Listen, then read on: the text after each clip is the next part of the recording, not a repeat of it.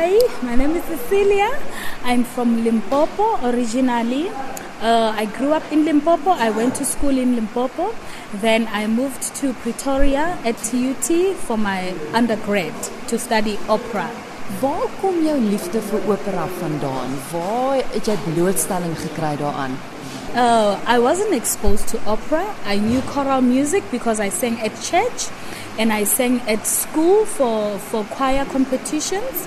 So I took part in that, and then uh, I actually wanted to be a lawyer. But my mom was like, uh, when I didn't get space, she said, Why don't you study music? You know? And we didn't know, she also didn't know what music she's talking about. And then I went to enroll at TUT uh, at the opera department, and then that's how I got into music, and I love it. Jy het nou onlangs die Unisa internasionale sangkompetisie gewen. Hoe het dit jou lewe verander? Oh, it changed my life in a huge way, starting with the prize money. That uh, with the UNISA prize money, I can do auditions overseas. Like right now, I am doing Deborah Voigt competition, which I'm leaving on Monday in Florida, USA. So with the prize money, I can pay for my flights and everything in Florida.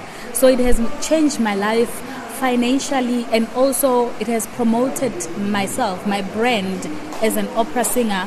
So uh, people now know me because the main thing is to it's to be popular. Is to be popular. People should know you so that they can uh, invite you to concerts. You can do other works other than from school. Sal jy in Suid-Afrika bly of sal jy oorweeg om oor see te gaan?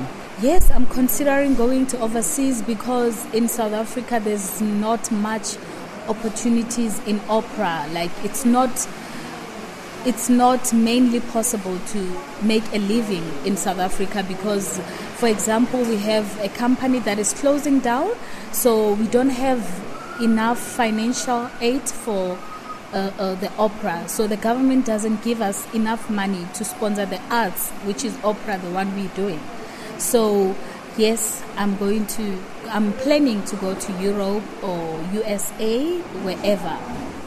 Wat's jou grootste droom? My biggest dream is to be an international opera star because uh, I believe that I do it with love. And it's not only about singing, it's talking to people's lives.